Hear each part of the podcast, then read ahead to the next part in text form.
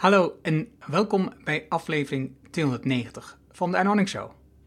Wij leert van ondernemers en ondernemende mensen die bijzondere resultaten bereiken, welke beslissingen ze genomen hebben om hier te komen, wat ze doen, de strategie en hoe ze klanten krijgen. Mijn naam is Arno Hanning en ik deel mijn opgedane kennis, ervaringen en expertise met jou. Ik coach ondernemers zodat ze stap voor stap de juiste beslissing nemen om uiteindelijk een gezonde groeimotor te creëren, zodat de onderneming vanzelf loopt. Hiervoor gebruik ik mijn ervaring met meer dan duizend klanten die met exact dezelfde uitdagingen zitten. Vandaag het gesprek met Aaltje Vincent. Aaltje is gecertificeerd loopbaanprofessional, trainer, spreker en bestseller-auteur. Ze is de grondlegger van de job marketing methode, van solliciteren via LinkedIn en van Candidate Experience 3.0. Wil je horen waar ze vandaan komt en waarom ze haar bedrijf is gestart? Luister dan naar de vorige aflevering met haar, aflevering nummer 178. We gaan het nu vooral hebben over hoe je als bedrijf de juiste kandidaat aantrekt. Haar handvat hierin is het door haar ontworpen CATS-model. In dit gesprek gaan we dieper in op verschillende onderdelen van het CATS-model. Aaltje deelt open uit haar jarenlange ervaringen met kandidaten en bedrijven. Een super interessant gesprek wanneer je met je bedrijf groeit en nieuwe collega's zoekt. Veel plezier met de inzichten van Aaltje. Laten we beginnen. Welkom in de Erno Hamming Show. De podcast waarin je leert over de beslissingen om te groeien als ondernemer met je bedrijf. Luister naar de persoonlijke verhalen van succesvolle ondernemers en ondernemende mensen. Dan nu jouw business coach Erno Hamming. Vandaag heb ik een gesprek met Aaltje Vincent. En Aaltje heb ik al eerder gesproken in de podcast, aflevering 279 was het geloof ik. Hè? Even kijken hoor, ik had het opgeschreven. 178, dat is echt al een tijd geleden. dat is ruim 100 afleveringen geleden. Uh, welkom Aaltje opnieuw in de podcast. Dankjewel voor de uitnodiging. Leuk. Uh, ja, en um, ja, we, we, hebben toen gesproken met name over um, de geschiedenis, hoe je je bedrijf bent begonnen, wat je doet en hoe je ertoe kwam op met, met, met, uh, met kandidaten te helpen een goede baan te vinden en hun cv op te poetsen en allemaal dat soort dingen hebben we toen al uitgebreid over gehad. Dus als je meer wilt weten over de historie van Aaltje en waarom ze deze keuze gemaakt, dan moet je die aflevering luisteren. Ik zal de link in de show notes plaatsen. Maar um, je hebt ook op ons evenement, wat we hebben georganiseerd vorig jaar in februari, het um, 4B-evenement, heb jij gesproken over um, wat je nu noemt de candidate experience. Ja. En, en toen we in november spraken, vorig jaar, heb, hebben we het daarover gehad en dacht, ah, dit is wel een, dit is een gaaf onderwerp om gewoon in de podcast naar voren te brengen. Zodat we kunnen kijken, oké, okay, wat, wat kun je nou als ondernemer doen om betere kandidaten aan te trekken? En ik, ik merk ook in de gesprekken met, uh, met klanten, een aantal klanten van mij, dat dit echt wel een ding is. Dat ze heel vaak um, te weinig kandidaten hebben of te verkeerde kandidaten hebben. En um, ik, ik, denk ook, in, in mijn optiek zijn het ook vaak te weinig kandidaten, dat ze gewoon geen goede selectie kunnen maken. En uh, dus, dus ik ben daar benieuwd naar. En, um, en je hebt een model ontwerpt, het CATS-model.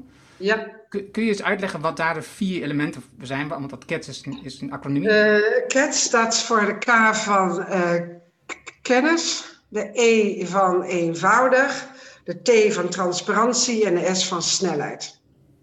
En dat hele uh, model is er dus op geënt dat je niet zoveel mogelijk sollicitanten krijgt, maar dat je alleen de beste krijgt. Dus alleen de kwalitatieve. Daar is het hele model op geënt. En, uh, dus ik kan uh, daar van alles over vertellen. En, maar waar het dus over gaat, is ook dat, dat ik je dan meeneem in hoe het is voor een sollicitant om te solliciteren. En wat sollicitanten willen. Want nieuw werk veroveren is echt uh, ja, een majeure stap in een mensenleven. Dat neem je niet zomaar. Dus als je kijkt naar stressonderzoeken, dan zit nieuw werk echt heel hoog in de, in de schaal van stressoren van uh, hoe het is in je leven. Dus dat betekent dat ik geen mens ken die niet eerst uh, met iemand uit de naaste omgeving bespreekt uh, hoe het is om wel of niet te gaan solliciteren. Want en dus dat bespreken mensen met iemand. Dus je moet hen helpen om dat gesprek te voeren. En ook omdat solliciteren altijd twee richtingen op kan gaan. Of je hebt een beter leven, want je hebt ander werk en dat vervult je meer, of dat is betaald meer, of dat is dichterbij, of alles samen. Dus je hebt een beter leven. Of je wordt afgewezen. En dat is heel pijnlijk. Afwijzing is een van de pijnlijkste emoties die mensen te verstouwen krijgen. Dus voordat een sollicitant besluit, ga ik solliciteren, gaan ze afwegen. Is het me de moeite waard? En uh, weet ik genoeg om dat risico te kunnen nemen? En daarvoor staat de K van kennis. Dat is wel een goeie, want ik denk dat veel mensen daar niet over nadenken. En dat als je een vacature opstelt of als je een kandidaat zoekt, dat je je realiseert dat de kandidaat ook veel te verliezen heeft. Ja, ja, dat klopt. Ja. De Kamerkennis is dus dat, dat sollicitanten veel willen weten voordat ze besluiten om uh, te solliciteren. En wat ze dus willen, dat ze voordat ze besluiten te solliciteren, willen ze het gevoel hebben van, ja, klik ik met die tent. Dus het gaat niet alleen maar over of die organisatie of die met jou klikt. Het gaat ook over dat de sollicitant het gevoel heeft van pas ik bij die werkgever en past die werkgever bij mij. En ik wil zoveel mogelijk informatie. Dus wat sollicitanten willen, het gevoel hebben dat die werkgever hen ook echt ziet daarin. En dat de werkgever hen al het gevoel geeft van nou ja, kom bij ons. En dat er al een soort verbinding ontstaat. Want ieder mens op deze aardkloot wil gezien worden en wil ergens bij horen. Dus je wilt hen op dat moment al dat, dat hun hart gaan kloppen eh, om bij jou te gaan solliciteren. Dus je wilt hen eerst heel veel informatie geven. Dat is, maar dat is dus voordat je op een gesprek bent. Ja, er gebeurt ongelooflijk veel voordat je in gesprek bent. Dus Precies. eerst heb je de fase dat iemand besluit: ga ik wel of niet solliciteren? Nou, en dan, uh, dan gaat hij solliciteren. Dus dat, dan gaat het over het proces van het solliciteren. En pas daarna, helemaal aan het eind, is dus dat sollicitatiegesprek. Dus daarvoor gebeurt er heel erg veel. En, uh, ja, en je wilt dus dat je sollicitant, dat je de, de goede sollicitanten ervoor kiezen om bij jou te solliciteren. En als je het nou bijvoorbeeld vergelijkt met, uh, met het kopen van een huis, dat is ook een enorm besluit. Dan ga je iedere dag wonen. Of met uh, het kopen van een auto, daar ga je iedere reiskilometer in afleggen. Uh, als je een huis koopt, dan wil je als je nieuwbouw koopt er ook alles over weten. En als je bestaande bouw koopt, dan wil je er echt doorheen lopen. En het ervaren en, uh, en ook samen met iemand bespreken. Ga ik dit doen? En voor auto heb je proefrit. En in de old school manier van solliciteren heb je eigenlijk alleen een vacaturetekst nou, van, uh, van 750 woorden of zo. En op basis daarvan moet je dan besluiten: ga ik solliciteren of niet? Nou, dat is te weinig om iemand echt te enthousiasmeren en om, om de goede mensen aan te trekken. Dus het gaat erom dat je alles uit de kast trekt om hen vooraf al heel veel informatie te geven. Waardoor ze ook al kunnen ervaren: what's in it for me? Wordt mijn wereld er beter van? Als ik ga solliciteren, is het me het risico waard? En, uh, en ga ik dan solliciteren? What's in it for me? Die vraag moet je echt beantwoorden. En is, het, is dat wel rondom um, op het moment dat jij een vacature hebt, of moet je dat eigenlijk gewoon altijd doen? Je moet altijd doen, dat heet in recruitmentkringen heet dat employer branding. Uh, dus daar moet je altijd mee bezig zijn. Zowel als je geen mensen nodig hebt of dat je dringend mensen. Je moet altijd bezig zijn met, met hoe, uh, ja, hoe, hoe, hoe sta ik bekend in mijn omgeving. Hè? Dus ook als je een kleinere werkgever bent, dan haal je waarschijnlijk al, al je medewerkers uit je naaste omgeving, misschien 20, 30 kilometer eromheen. En dan ook je huidige medewerkers zijn dus ook enorme dragers van hoe het is om bij jou te werken. Die, gaan die ga je dan ook echt heel slim inzetten. Maar wat je daarvoor ook al kunt doen, is dat je zegt van, nou ja, ik, uh, ik heb een, uh, een vacaturegedeelte bij ons op de website. En dan laat ik ook quotes uh, zien van mensen hoe het, die bij ons werken, die iets zeggen over hoe het is om bij ons te werken. Maar in, in in de huidige tijd, waarin nou, nagenoeg iedereen in Nederland ook een LinkedIn-profiel heeft, dan gaan mensen vanuit die quote op jouw site ook kijken op het LinkedIn-profiel van die collega. Dus dan wil je ook als werkgever ervoor zorgen dat de LinkedIn-profielen van je mensen op LinkedIn tip-top zijn. En dat ook je bedrijfspagina op LinkedIn tip top is. En dat je mensen daar ook goede content delen over hoe het is om bij jou te werken. Dus dat wil je dan zeker. Dus je gaat dan van quotes op je website naar tip-top LinkedIn gebruik door je medewerkers. Ehm, je kunt dat ook doen door middel van video's uh, op te nemen met je medewerkers en echt een inkijk te geven in het dagelijks werk. Dus niet een, een, een smooth, mooie impressie, maar gewoon, kan gewoon met de telefoon gefilmd worden en dan kun je daar mooie filmpjes van maken. Nou ja, er zijn ook al werkgevers die zeggen van. Uh, ja, wij doen uh, podcast delen. Nou, dat kan ook, dat je je medewerkers die zeggen, nou, ik hoef helemaal niet op video, maar dat die dat dan met podcast gaan delen. Um, je kunt het gaan delen met, uh, nou er zijn zelfs bedrijven die zelfs VR doen, maar dat is wel een hele investering om dat te doen. Maar je kunt dus veel meer delen over hoe het is, waardoor je eigenlijk die sollicitant naar binnen trekt. En dat doe je dus allemaal al uh, uh, online. Dus met video, met tekst, met podcast en met quotes en met goede LinkedIn-profielen kun je al mensen een gevoel geven hoe het is om bij jou te werken. Dus dat, dat, dat, is, dat is even een basisinvestering. Maar dan, ja.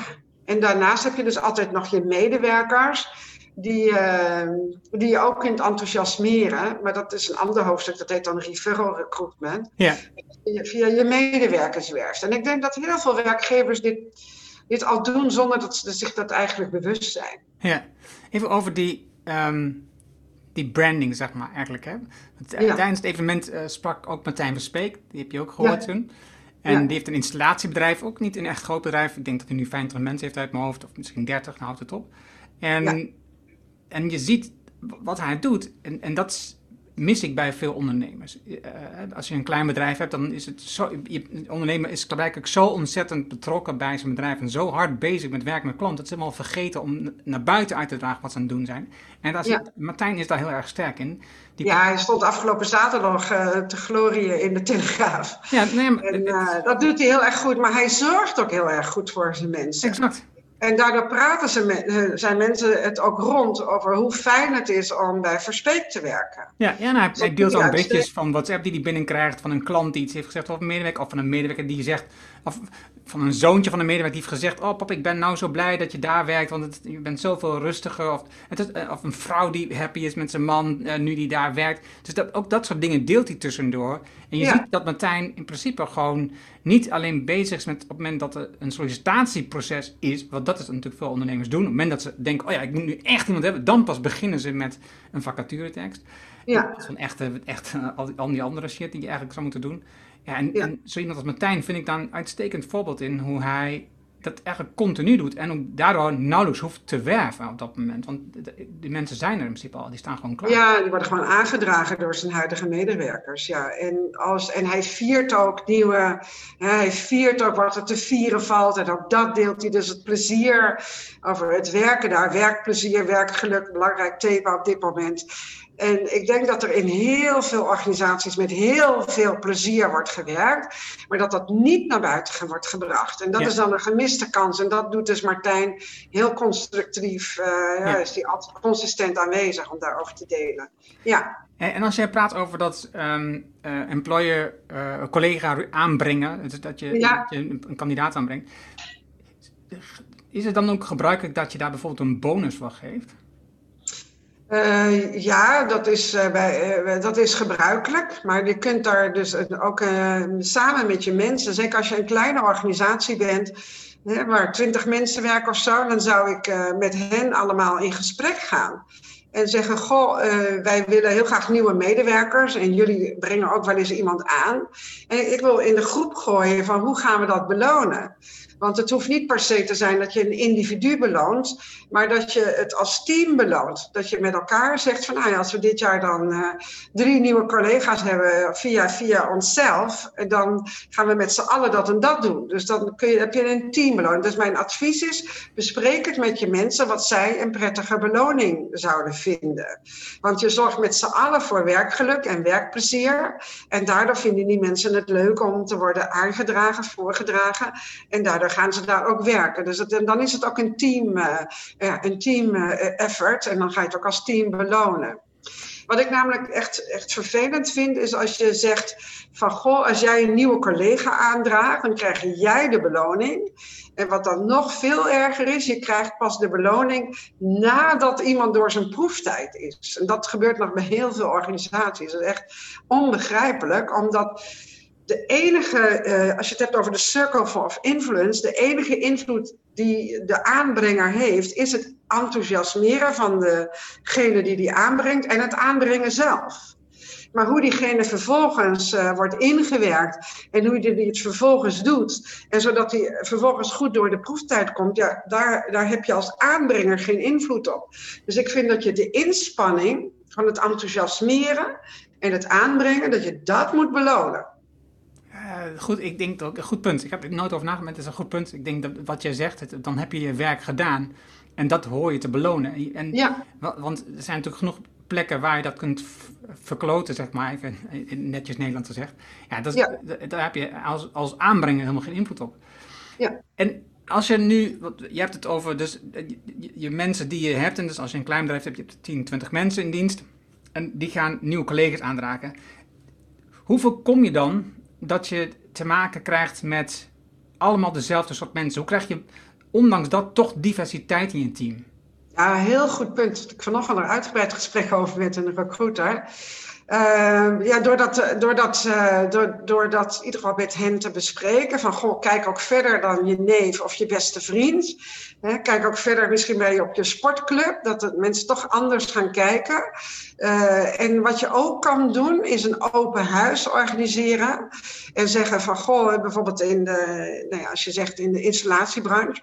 We hebben een open huis op zaterdag van s ochtends 11 tot middags 1. Hè, dus na de en dan nog voor de zaterdagmiddag relax time. dan hebben we open huis. En dat je dan ook tegen je mensen zegt van, goh, nodig iedereen uit die je kent. Ook al hebben ze helemaal geen interesse om hier te komen werken maar ze zijn van harte welkom hier in het open huis. En, en je kunt dan ook op scholen, bij ROC's, of op andere plekken kun je dan ook gaan flyeren. Of je kunt zelfs uh, in Facebook-post dat gaan delen van we hebben een open huis. Waardoor je nog wat meer diversere klanten uh, of kandidaten over de vloer krijgt dan alleen maar uit de directe kring. En uh, zo'n open huis werkt enorm goed, omdat dan ook de mensen die dan twee soorten mensen die komen. De eerste, die zijn familieleden of mensen die gewoon nieuwsgierig zijn, die blij is dat ze een keer binnen kunnen kijken en over de vloer komen. Maar goed, die kennen ook weer mensen. Weet je? Dus dat, dat kan ook zich weer verder praten. Goh, ik was gisteren daar en daar en daar hebben ze nog mensen nodig. Is dat niks voor jou? Terwijl hè, dat kan dus buiten je vertrouwde kring liggen. En je hebt natuurlijk ook mensen die denken: Goh, ik ben echt nieuwsgierig om te kijken hoe het is om daar te werken. En kijken of ik, het, uh, ja, of ik daarvoor mijn baan zou willen opzeggen om daar te werken. En gisteren sprak dus iemand en die uh, monteurs die moesten dan ook 24 uur 7 storingsdienst draaien.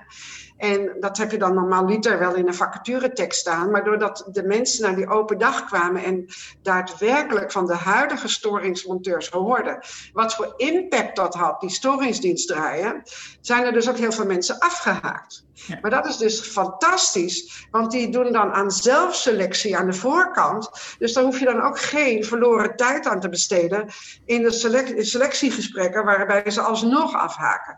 Dus zo'n open huis brengt dus veel diversere kandidaten in over de vloer, als je het breed bekend maakt. En het zorgt ook voor zelfselectie bij de geïnteresseerden, waardoor je dus uiteindelijk altijd betere kandidaten spreekt. En je tijd ongelooflijk goed besteed is aan alleen de beste kandidaat.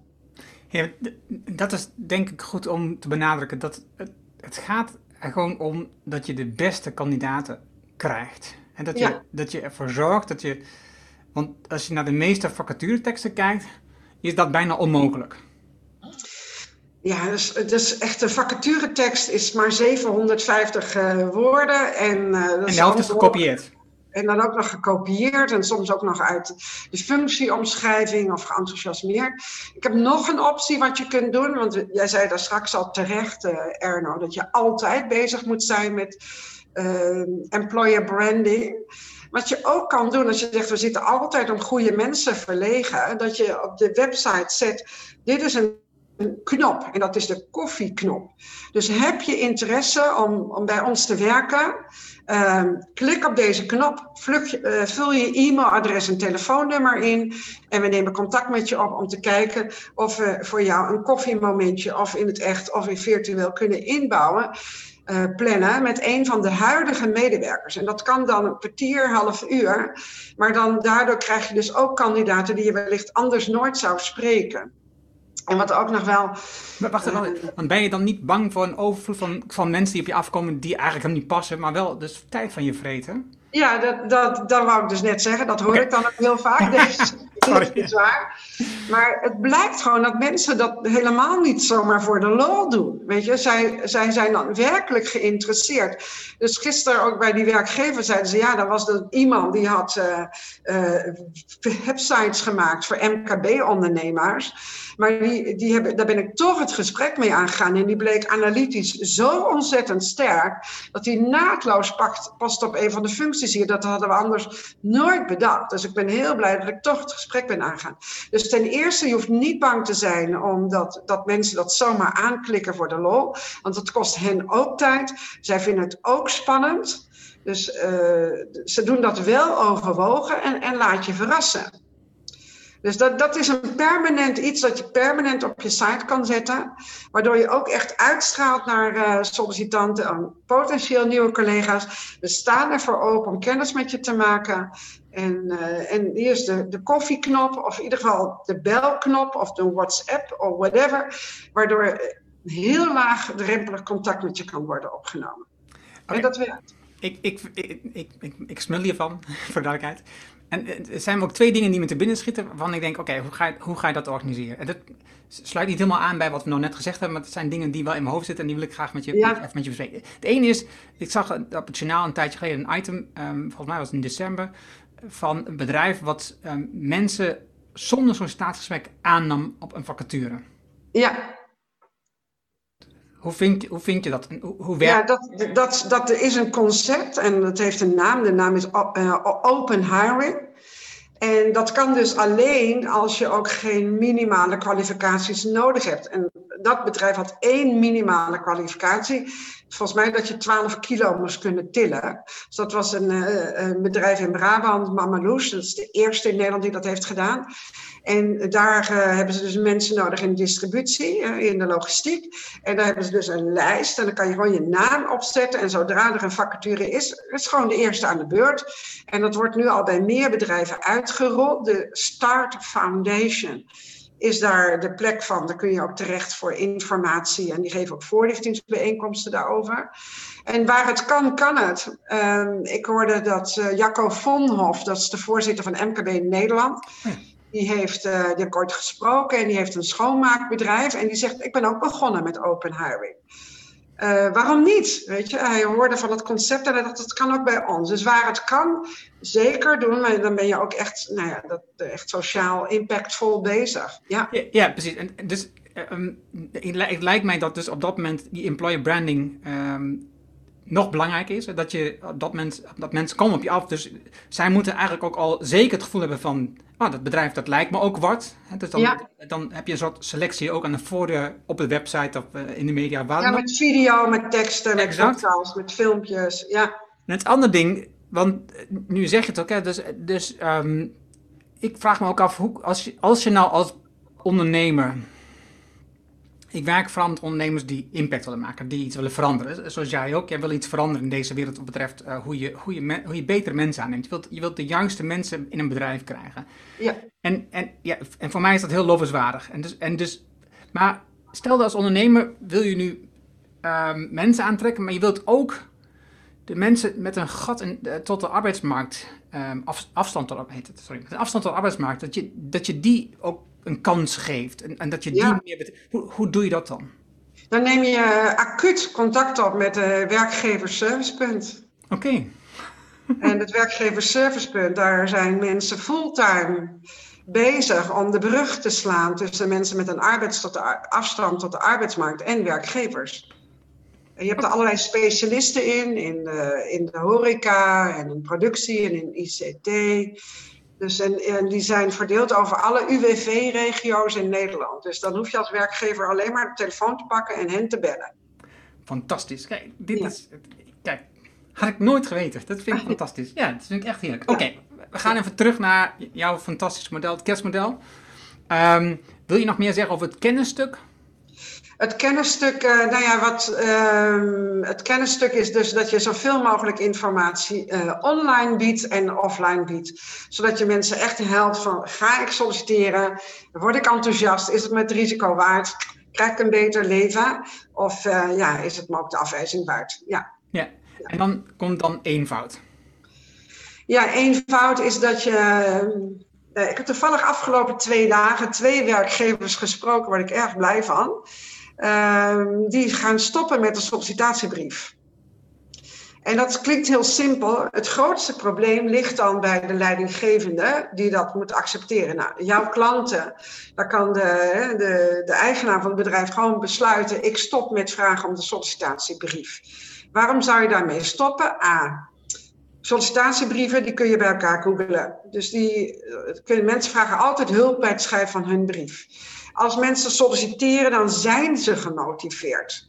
En een sollicitatiebrief is alleen zinnig als het brieven schrijven ook een wezenlijk onderdeel is van de functie die vervuld moet worden. Maar in de meeste functies hoef je never nooit een brief te schrijven. Dus is het ook onzinnig om dit als selectieinstrument te vragen. En daarbij uh, maak je het dus ook eenvoudig voor de sollicitant. Want ieder sollicitant uh, vindt het afschuwelijk om een sollicitatiebrief te moeten formuleren. Ja, voor, en voor, dus je maakt het laagdrempelig en het heeft geen enkele toegevoegde waarde. Maar dat is de brief die voor de cv zit. De cv krijg je nog wel.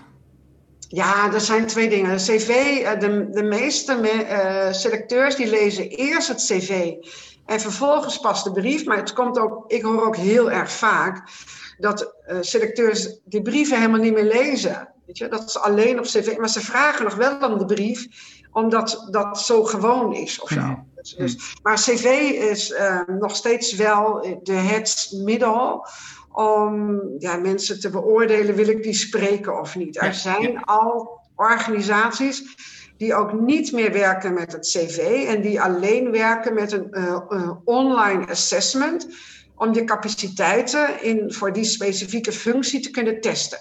Maar het is nog maar heel weinig. Dus uh, de meeste werkgevers vragen nog om een cv.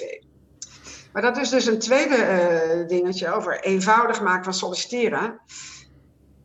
Iedereen vindt het hartstikke moeilijk om een cv te maken. Ja. Dus het, het, internet staat bol van cv-tabs. Dus iedereen doet zijn best om tot zijn recht te komen op het cv. Mijn ervaring is dat iedereen zichzelf tekort doet op het cv. Dat mensen veel meer kunnen. Iedereen is onbewust bekwaam. Dus ze kunnen veel meer dan dat ze zelf op cv zetten. Wacht, altijd, altijd. Blijkt, ja. Even wat. Want um, voor de luisteraar, ik ken jou heel goed, voor duidelijkheid. Ja. En als je die andere podcast gaat, dan weet je dit ook. Maar jouw bron zit dus juist in um, mensen helpen met dat voortrekt van solliciteren. Dat ze zich goed neerzetten. Dat is waar je, daar zit je expertise. Daar zit al daar zit jaren ervaring in. Dus daarom weet je dit ook zo goed. Ja. Moet ik even zeggen. Oké, heel goed, heel goed. Dus ik weet dat iedereen zichzelf tekort doet in het cv. En wat ik heel vaak hoor, terughoor van recruiters of van intercedenten. Dan zeggen ze, nou, ging ik echt met de kandidaat in gesprek. Toen bleek dat hij dat ook nog deed en dat hij dat ook nog kon. Maar ja, dat stond niet op het cv. Dus wat ik, wat ik uh, mee wil geven aan, uh, aan uh, ondernemers die nieuwe collega's nodig hebben. Sta je dus niet blind op het cv. En zelfs als je mensen zoekt waarvan je denkt, goh, die zijn heel moeilijk vinden om een cv te schrijven, schrap die dan ook. Zeg dan ook, je hoeft bij ons ook geen cv te sturen. Wat je ook nog kan doen, Er zijn organisaties in de zorg die dat doen, die zich hier heel van bewust zijn. Dat zorgmedewerkers helemaal niet zo goed een cv kunnen maken. Die hebben zelfs inloopspreekuren om je te helpen met het maken van je cv, zodat je bij hen kunt solliciteren. Dat is super slim. Dat is, dat, is, dat is super slim. Het kost wel tijd natuurlijk, maar dat is echt super slim. Ja. Want je ziet gelijk die mensen. En je hoort gelijk, je hoort gelijk hun sterke punten. Ja, precies. En dat is meteen ook uh, selectie dan. Ja. Dus, uh, dus, ja, dus daarom ben ik dus ook zo voor zo'n zo'n open uitstraling. Hoe, hoe, Dan zie je ook meteen die mensen. hoe kijk je nou als ondernemer door zo'n cv... Want de meesten zullen nog steeds werken met cv's, laten we even uitgaan. Hè? Eh, of na, na al je tips gaan ze nog steeds met de cv werken. Maar hoe kijk je nou een beetje door die cv heen? Dat je, dat je ziet, deze persoon heeft eigenlijk meer in zijn mars dan uit die cv naar voren komt. Nou, dus, dus, kijk, de meest, de meest gemaakte fouten op cv's zijn dat ze, eh, dat ze hele functieomschrijvingen overnemen. Of dat ze zich uh, in algemeenheden uitdrukken. Dus bijvoorbeeld een secretaresse die zegt dan: Ik heb post en e-mail uh, en, en telefoon gedaan. Dus, dus dan, ja, dus, dan gaat het over wat heeft zo iemand dan gedaan. Dus ja, de enige, de beste manier om daar doorheen te kijken is dan toch eerst de kandidaat te bellen, Erno. Echt bellen. Bellen, Dan bellen. en, en een paar scherpe vragen stellen. Maar wat heb je dan neergezet? En Ja, dat, dat kun je dan ook, als je dan toch nog traditioneel werkt met een vacaturetekst, dan zou ik dat dus in de vacaturetekst opnemen. Van uh, als je solliciteert, dan wordt je eerst, is er eerst een telefoongesprek tussen ons. Dus dat, daar, waarin je, wij je wat vragen stellen, dan wordt diegene niet overvallen. Ja. Dan weten ze dat ze gebeld worden. Maar je kunt er alleen maar doorheen kijken als je vragen stelt aan diegene. Ja, precies. Ja. precies. Want uiteindelijk wil je als, als, als uh, ondernemer, als werkgever, wil je uitvinden of dit, um, of dit de ideale persoon is voor je bedrijf. Nou, of dit ideale persoon is om een echt sollicitatiegesprek mee aan te gaan. Want we zitten nog steeds in de fase van wie wil ik aan de sollicitatietafel? Juist. Ja. Wauw. dus zo maak je het eenvoudig. Ja, dus, dus um, kijk, wat ik ook heb meegemaakt, Erno, is dat, dat um, bijvoorbeeld, wat ik zeg, hè, dus geef zoveel mogelijk informatie vooraf. Nou, ik had een presentatie uh, in de Noordoostpolder en er was een groothandel in witlof. Dus daar komen alle boeren hun witlof brengen en hij doet dat in die grijze kratjes, zodat het naar de supermarkten kan. Voor dat verwerken in die grijze kratjes heeft hij continu nieuwe mensen nodig. En die mensen, die, uh, heel groot, een, een, een, er was een hoog verloop. Oh. En een van de redenen van het hoge verloop waren de huisregels. Dus die mensen waren dan begonnen in die baan en dan kregen ze een uh, gidsje, een, een huisregelboekje. En dan uh, bleken die best wel uh, streng te zijn, ook omdat ze daar met voedsel werken. En dus hij zegt, goh, nu je dit zo zegt, Aantje, ik ga die, dat boekje met die huisregels vooraf bekendmaken op onze website zodat ja. mensen zich daar van tevoren al in kunnen verdiepen. En dat ze dan van tevoren al kunnen voelen van past dit bij mij of past dit niet bij mij. Ja, ik me dat is een heel simpel ja. voorbeeld. En dat is over zoveel mogelijk informatie vooraf geven.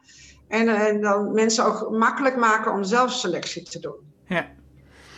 Oké, okay, dan heb je transparantie. Ja, Transparantie. Transparantie gaat dus over dat je ongelooflijk uh, helder maakt waar je zit in het proces. Dus ik, nou, ik zal even een ultieme situatie schetsen. Vanochtend had ik een opdrachtgever aan de lijn. En die is nu uh, een portal aan het bouwen. Dat je net zoals bij uh, per PostNL pakketje. krijg je zo'n mail, dan kan je volgen waar je pakketje is. Dus hij zegt dat willen wij nu doen voor sollicitaties. Dus dat je echt kunt volgen in welk stadium jouw sollicitatie is. Nou, dat is bij kleine ondernemers helemaal niet nodig.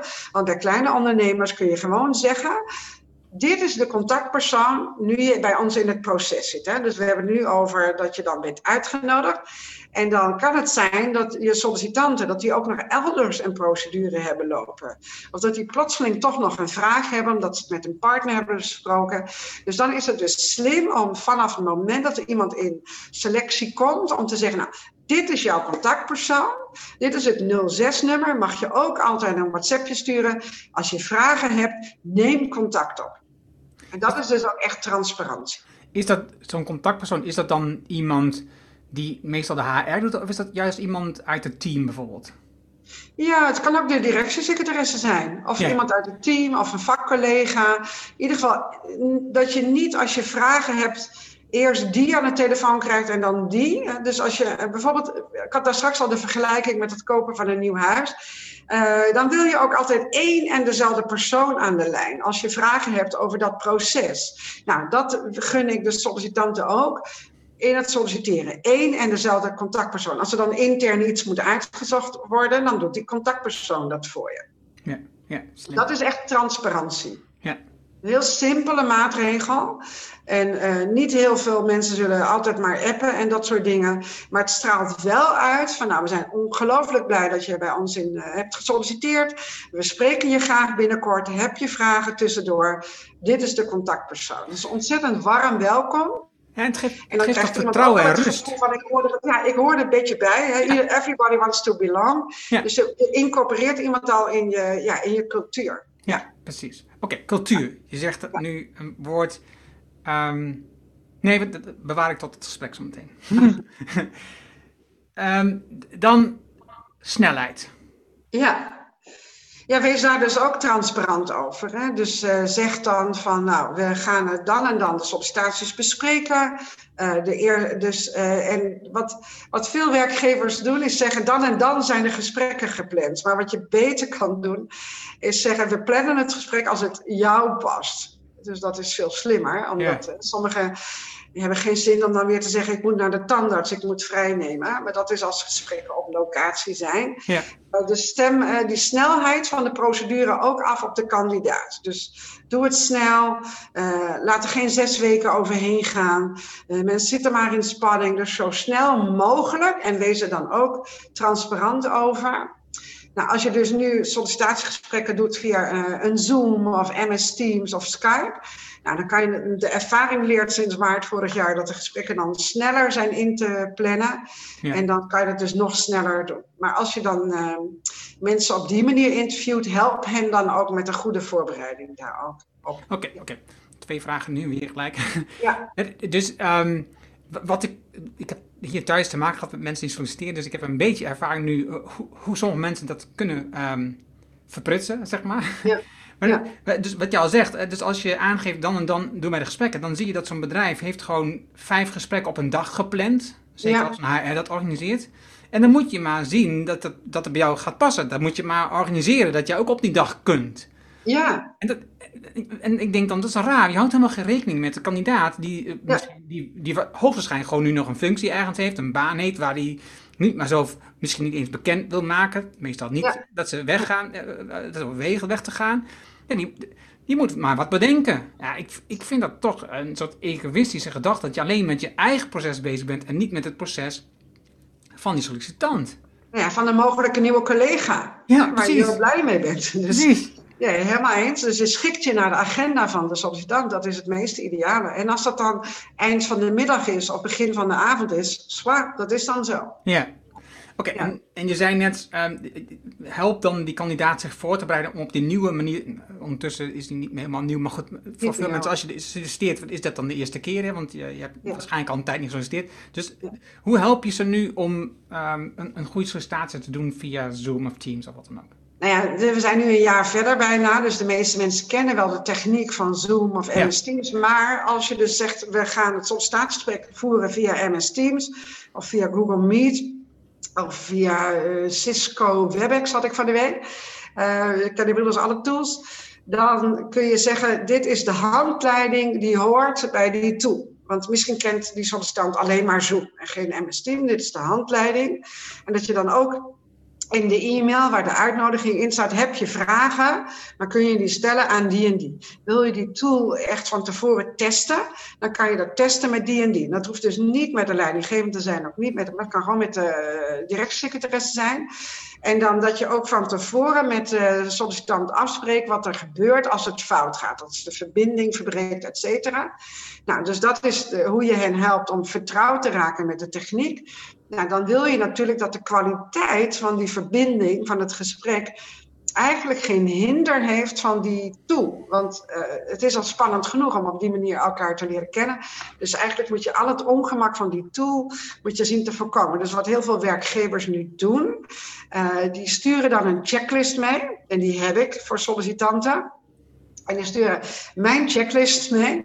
Heel veel ministeries en zo, die sturen mijn checklist mee aan de sollicitant van hier staan alle tips in qua techniek, verbinding, qua geluid, qua licht, qua achtergrond, et cetera. Zodat we een optimale verbinding hebben, zodat dat de kwaliteit van het gesprek volledig tot zijn recht komt. Dus dan kun je een checklist meesturen. Ja. Slim, ja, slim. Ik, die, ook die ervaring heb ik ook, dat, dus, dat dat niet goed ging. Ja. Um, Oké, nu, nu, nu heb je uh, dit dit traject gedaan. Je hebt ervoor gezorgd dat je, dat je uh, al, langer aan de branding van jezelf doet als werkgever, als een mooi bedrijf met mooie collega's waar je graag wilt werken. Je hebt um, stappen gezet zodat mensen eenvoudig kunnen solliciteren. Je hebt het laagdrempelig gemaakt. Al die dingen heb je gedaan. En nu krijg je gesprekken. Ja. Um, heb jij voor jezelf want jij zei het al aan het begin, want ik zei, je wilt eigenlijk zoveel mogelijk kandidaten spreken. En jij zegt, nou, je wilt niet zoveel, je wilt de juiste spreken. Maar heb jij voor jezelf ergens een cijfer als je kijkt naar een bepaalde functie, hoeveel mensen je eigenlijk als bedrijf zou moeten willen zien? Getal? Nee, dat kan ik zo niet zeggen. En het, het hangt ook heel erg van de leidinggevende af. Hè? Als die zegt, ja, ik vind twee genoeg, of ik wil er zes zien. Nee, ik, daar zijn ook geen onderzoeken naar. Ik ben echt gewoon hm. op de hoogte, maar er zijn ook geen onderzoeken naar. Hm. Wat ik vind is, als we het hebben over candidate experience 3.0, is dat je in de, in de uitnodiging voor het gesprek, hè, dus mensen al helpt in de voorbereiding, uh, dat je ook zegt schroom niet te bellen. Hè. Dus als je, als, als je, je kan je ook voor, voorstellen dat iemand het moeilijk vindt om te kijken wat voor kleding moet ik dan dragen. Nou, dan kun je dat ook gewoon, uh, kun je zeggen, bij welke vraag dan ook, neem contact op. En dat je ook in die mail al schrijft, wij zien uit naar jouw vragen. En dat ook op het moment dat het gesprek begint, dat je ook zegt, wij zien uit naar jouw vragen, waardoor het dus een gelijkwaardige verkenning wordt, gaan wij samenwerken. En door dat hardop te zeggen aan het begin, maar ook al in de mail te hebben geschreven, nou, dan geef je iemand echt een warm welkom. En het gevoel van, je hoort er al een beetje bij en we willen gewoon een gelijkwaardige verkenning, hoe het is om met elkaar te gaan werken. Ja. ja. Jij kent vast ook uh, de uitspraak hire for culture, not for skills. Ja. En um, hoe zie je dat in dit geheel? Ja, dus dat je mensen gaat trainen om in dat, hè, dus dat je zegt, we, we nemen mensen aan op hun vaardigheid en we willen gaan trainen op, uh, op uh, dat ze bij ons uh, hun werk kunnen doen. Ja. Ja, want dat is, dat, dat is denk ik het hele punt. Het punt is gewoon dat je. En, en ik heb ook het gevoel dat je daar toewerkt, omdat je dus in alles wat jij tot nu toe beschreven hebt en wat je verteld hebt, en wat, wat je ook in je CATS-methode zit, is dus dat je de cultuur weergeeft van je bedrijf. Ja. En dus in principe wil je um, mensen dat die op je afkomen, natuurlijk dat ze vaardig zijn. Ja. De vaardigheid is niet de kern. De kern is dat je duidelijk maakt wat is de cultuur die we hebben. Zoals je net al zei, met dat, met dat boekje met die huisregels, dat is een heel mooi voorbeeld. Dat is eigenlijk een cultuur die bij dat bedrijf hoort. Dat is een onderdeel van een cultuur. Dat is geen vaardigheid, maar als, als dat al niet bij je past, moet je uiteraard niet zijn. Elke dingen die je zou moeten leren rondom het inpakken van witlof, ja, dat, daar krijg je gewoon een training voor. Dat kun je leren. Ja, ja. En terwijl je ziet natuurlijk in de vacatureteksten juist heel vaak dat daar een enorme um, focus is op de expertise die mensen in huis hebben. Ja. Eigenlijk dus de andere kant op. Ja, ja, dat is ook vreselijk. Dan hebben ze heel veel eisen en die uh, van uh, de ideale kandidaat die ze nooit zullen vinden. Dus daar moet je dan ook met elkaar een stevig gesprek over aangaan van wat hebben we minimaal nodig. En, en iemand kan zeggen, ja, ik heb vijf jaar ervaring, iemand met vijf jaar ervaring nodig. Maar misschien is acht jaar ook prima en misschien is twee jaar ook prima. Dus je moet daarover met elkaar in gesprek. En uh, ja, dat is meestal meer nog uh, intern een, een, echt, echt nog wel een, een slag die geslagen moet worden. Om het daarover te hebben en over die eisen zo te minimaliseren. Waardoor je echt uitstraalt van ja, we komen. Maar het hangt ook heel erg. Er zijn ook functies waar je wel minimale hè, papieren voor nodig hebt. Dus, Uiteraard ja, en, maar er zijn sectoren zoals in de techniek, zoals in de zorg, of in de fietsenmakerij, of in de vrachtwagenbusiness. Weet je, daar, daar, we hebben tijden gehad dat iedereen daar welkom was, omdat je dan intern wel werd opgeleid. Ja, ik ken ook een bedrijf in de plantenzorg en die zoeken dan gewasverzorgers. Nou, en die denken nu ook na over hoe gaan we dan minder eisen stellen, waardoor we meer mensen aantrekken, waardoor we die ja, zelf gaan trainen voor wat hier gedaan moet worden. Ja. Het hangt heel erg af van in welke uh, uh, arbeidsmarkt je zit. Van schaarste of van uh, overvloed. Ja. En bij die gesprekken die je hebt met die, met die kandidaten, um, op welk moment betrek je nou wat ik, als je een klein bedrijf, dan doet dat waarschijnlijk de ondernemer. Bij iets groter, dan heb je iemand die dat dan voor een deel van zijn tijd doet. Of je hebt iemand dan van Incut die, dat doet. Maar op welk moment betrek je het team erbij? Dat je, dat je als het team waarin de kandidaat gaat werken, de potentiële werknemer gaat werken. Wanneer betrek je die bij die gesprekken? Nee, in het ideale geval dus, is dat het allereerste wat je doet. Want je organiseert een open huis. En daar uh, zijn uh, mensen dus van harte welkom om met de mensen te praten die nu het werk doen. Of je doet dat voor een groep, of je doet dat individueel met die knop van ik wil eerst koffie drinken. Dus dan heb je het contact met het team aan het begin. Dan doen zij de cultuuroverdracht en dan doen zij vertellen over hun werk, waardoor de sollicitant kan zeggen, ga ik solliciteren of niet? Nou, in dat geval zit je dus met heel andere sollicitanten aan tafel, dan wordt het ook een ander gesprek, want A, het zijn de beste sollicitanten die je maar kan hebben, want ze hebben zichzelf al geselecteerd en ze zijn al in contact geweest met het werk en met het team. Dus je hebt ook een ander sollicitatiegesprek. Dus mijn antwoord op jouw vraag is, uh, die betrek je bij vanaf het allereerste begin. En dan bij het sollicitatiegesprek, ook meteen al bij het eerste gesprek en bij het tweede gesprek. Maar wat mij betreft meteen al bij het eerste echte sollicitatiegesprek. Maar in het ideale geval hebben ze elkaar dan al veel eerder ontmoet. Mooi, mooi. Heeft het, als ik, toen ik uh, manager was van een afdeling bij een bedrijf, ja, deed ik dat ook niet. Dat was ook gewoon, ik, was, ik deed de sollicitaties. En, en als ze eenmaal waren aangenomen, dan ging ik ze bij het team al introduceren. Dus ja, ongekend. Ja. Het, het verloop, hè, dus ik, ik heb ook onderzoeken. De ene zegt van uh, eh, 65% van de mensen kijkt binnen drie maanden alweer om zich heen, omdat het niet klikt. Uh, ik ken onderzoeken, 50% van alle nieuwe collega's is een bad hire zoals ze dat dan noemen. Hè, dat, dat fit eigenlijk niet, of ze nou weggaan of blijven. Maar het waren niet de beste kandidaten. En dat is dus omdat je echt old school aan het werven bent. Met een vacaturetekst en een brief en cv. En dan ook vaak nog hele ongelijkwaardige sollicitatiegesprekken. Zo van hoeveel pingpongballen passen er in een uh, Peugeot of zo. Weet je, omdat dan de ander zich in een machtspositie voelt. Om dat soort vragen. Nou, dat, dat is geen gelijkwaardig verkennend proces van gaan wij samenwerken. Ja, super mooi. mooi. Ja. Um, zijn er nog dingen die jij nu nog wil vertellen over jouw proces? Ik heb mijn vragen eerlijk gezegd eigenlijk allemaal beantwoord gekregen. En dat is, dat is heel bijzonder. Ja, ja. Ja, oké, omdat het zo snel is, bedoel je? Ja, nee, maar, maar gewoon, het, ook, gewoon, je, bent gewoon lekker to the point. En het is gewoon heerlijk om, om, om voor mij om te leren over de aspecten die je naar voren brengt, die, die je als... Ik wil nog wel één ding kwijt. Ja. Uh, vraag gewoon aan je huidige medewerkers uh, hoe zij uh, het fijn sollicitatieproces zouden vinden. Wat vinden zij fijn? En dan zul je horen Brieven schrijven, dat is niks voor ons. CV's maken vinden wij een crime. Wat wij het liefste zouden hebben gewild, is eerst even komen kijken. Maar vraag het aan je huidige mensen. Zij zijn de beste bron. Ja, en ik denk wat jij hier al zei, ik denk ook dat zij de beste bron zijn om ehm, nieuwe medewerkers aan te dragen. Wat, wat, wat ik zie bij een aantal ondernemers, en daar heb ik ook zelf al advies over gegeven, is dat als je als je vacatures met enige regelmaat hebt die heel lastig in te vullen zijn, hou dan contact met mensen ehm, die in jouw optiek die functie zouden invullen in de toekomst. Ook al zijn ze nu nog niet vrij. Ja. Dus, dus, dus er zitten nog ergens waarvan ze nog steeds zeggen dat we een goede plek zitten. Maar hou gewoon met die mensen regelmatig contact.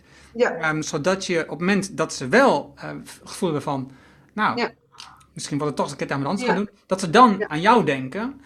En, en dus ik kan me ook voorstellen dat je zoiets, ja, zo'n soort opdracht meegeeft aan, ehm, aan, aan je collega's, je medewerkers, om dat ook te doen. nou ja, dus die kun je ook allemaal, dat noemen ze dan, in een talentenpool eh, stoppen. Ja, Eh, die kun je de nieuwsbrief sturen met zo nu en dan updates. Eh, je kunt hen ook als er open huis is of als er wat te vieren valt, ook die mensen juist uitnodigen. En dan houd je ze in de, in de bonding, in de, ja, in de betrokkenheid bij je organisatie. wauw, mooi. Ja, Aaltje, het was weer super leerzaam. En echt, echt, ik heb echt genoten. En ik vind, en wat ik dus vind, is dus ook dat het dus gewoon waardevolle kost is voor ehm, de mensen waar ik mee werk. Die, die, Ja. die, die medewerkers zoeken. En ik ben ook van overtuigd van de mensen die hier naar luisteren, dat je erover nadenkt, hoe kan ik dit proces veranderen? Hoe kan ik ervoor zorgen dat ik kandidaten krijg die ik echt wil en die er zelf ook graag hier willen werken? Die, de, ja, die, die, wat je al een paar keer hebt gezegd, die zichzelf al geselecteerd hebben. Dat is, dat is wat je zoekt uiteindelijk. ja, dat is wat je wilt. Hè? Mensen die zichzelf echt heel goed hebben kunnen voorselecteren. Precies. Ja, ja. Nou, dankjewel. Graag gedaan, Arno. Dankjewel. Dankjewel voor de uitnodiging. Ik ben benieuwd naar de montage. Helemaal super. Dankjewel. Dat was het mooie gesprek. Dankjewel voor het luisteren naar de Erno Hanning Show op ernohanning.nl. deze uitzending hoort. Ga daarvoor naar ernohanning.nl slash show 290. Wil je vanzelf de volgende aflevering op jouw telefoon? Dat kan heel makkelijk. Heb je een iPhone, dan zit daar standaard de Apple Podcast app op. Open deze app en zoek de Erno Hanning Show op en klik op abonneer. Heb je een Android-telefoon? Installeer dan eerst bijvoorbeeld de Player FM app. Open die app, zoek de Erno Hanning Show op en klik op abonneer. Dankjewel alvast. Heb je vragen, opmerkingen, reacties over deze aflevering met Aaltje of over de podcast in het algemeen? Stuur dan een e-mail naar podcast.ernohanning.nl. Ik hoor supergraag van jou. Wil je leren hoe je meer uit je team haalt door meer aan ze over te laten? Wil je leren welke hardnekkige gewoontes je tegenhouden om te groeien? Wil je weten wat het juiste moment is voor een beslissing? Vraag dan het boek Betere Beslissingen voor een Beter Team aan op ernohanning.nl. Dit is mijn nieuwste boek en daarom download je het nu helemaal gratis. Je hebt zelfs geen e-mailadres nodig. Er is ook een Kindle en een EPUB versie. Wil je de papieren versie van het boek? Dat kan ook. Je betaalt dan alleen de verzendkosten. Telkens is mijn nieuwste boek gratis. Zodra een nieuwe komt, wordt deze betaald. Vraag het daarom nu aan op ernohanning.nl. En ik weet, als ondernemer ben je druk.